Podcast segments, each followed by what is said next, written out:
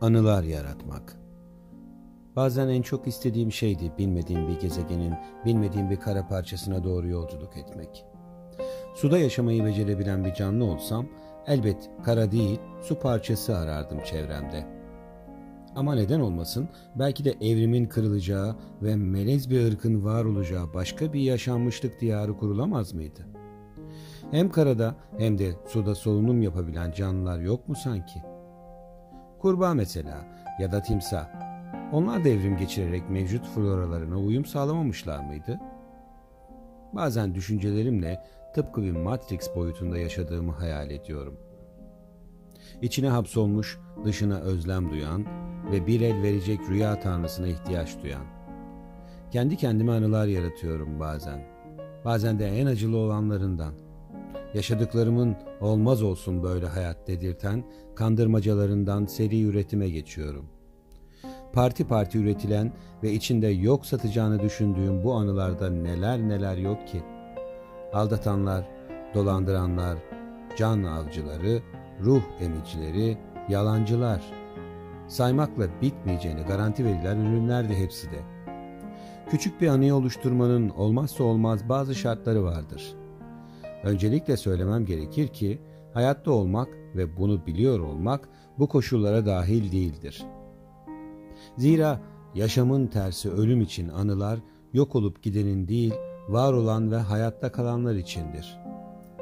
Deyimsel olarak kullanılan anı biriktirmek, bilişsel devrimini gerçekleştirmiş biz canlıların adı üstünde canlı olanlarını has kılınmış, canımız sıkıldığında hatırlayıp neşelenelim ya da hüzünlenelim diye belleklerimize kaydedilmiş mekana, zamana, içinde bulunulan duyguya göre çok da sabit olmayan kaygan ve değişken sabitliklerdir.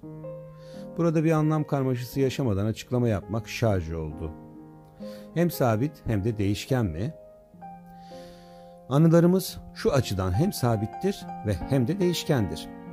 Hatırat geçmişimiz genel itibariyle kendi başımızdan geçen olaylardan meydana geldiği için olay aynen korunur.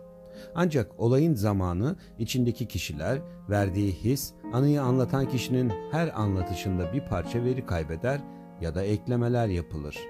İşte bu yüzden bir anlatılan olay diğerinde daha sade ya da daha girift olabilir.''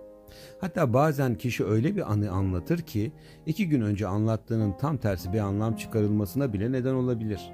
Bu durumda o kişinin anı belleğinin sorunlu olduğunu rahatlıkla söyleyebiliriz. Madem konumuz bir anda bellek konusuna geldi, şunları da anlatmadan geç, geçmeyeyim.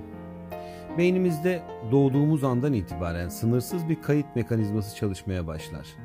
Bunların bazıları uzun süreli, Bazıları kısa süreli bellek diye adlandıracağımız kısımda hayatımızı kolaylaştırır. Kim bilir bazılarımız için belki de zorlaştırır da.